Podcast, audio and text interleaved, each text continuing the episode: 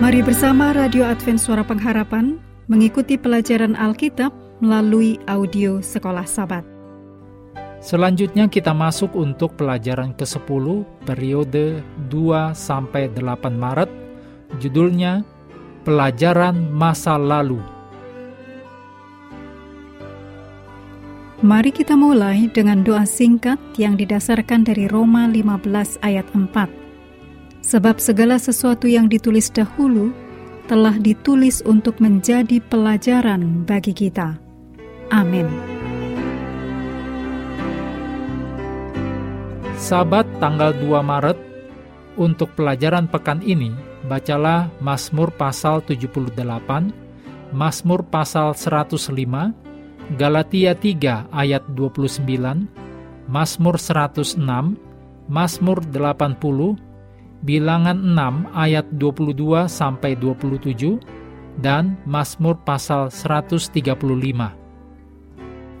Ayat hafalan Mazmur 78 ayat 3 dan 4 Yang telah kami dengar dan kami ketahui dan yang diceritakan kepada kami oleh nenek moyang kami kami tidak hendak sembunyikan kepada anak-anak mereka, tetapi kami akan ceritakan kepada angkatan yang kemudian puji-pujian kepada Tuhan dan kekuatannya dan perbuatan-perbuatan ajaib yang telah dilakukannya. Dalam banyak Mazmur, pujian mengambil bentuk menceritakan tindakan penyelamatan Tuhan yang luar biasa Mazmur-mazmur ini sering disebut mazmur sejarah keselamatan atau mazmur sejarah. Beberapa memohon kepada umat Tuhan, memberitahu mereka untuk belajar dari sejarah mereka, terutama dari kesalahan mereka dan kesalahan nenek moyang mereka.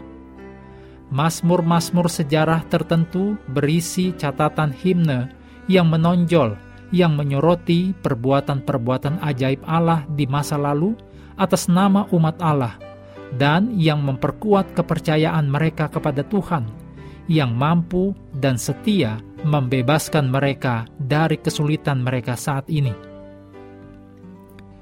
Daya tarik khusus dari Mazmur Sejarah adalah bahwa Mazmur Sejarah ini membantu kita melihat kehidupan kita sebagai bagian dari sejarah umat Allah dan mengakui masa lalu itu sebagai milik kita.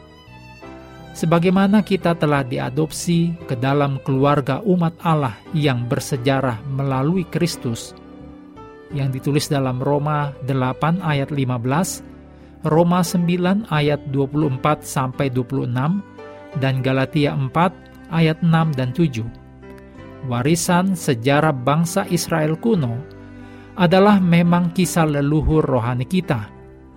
Oleh karena itu, kita dapat dan harus belajar dari masa lalu mereka yang juga milik kita. Tujuan akhirnya adalah untuk menyadari bahwa setiap generasi umat Allah memainkan peran kecil namun signifikan dalam penyingkapan sejarah agung dari tujuan kedaulatan Allah dalam pertentangan besar.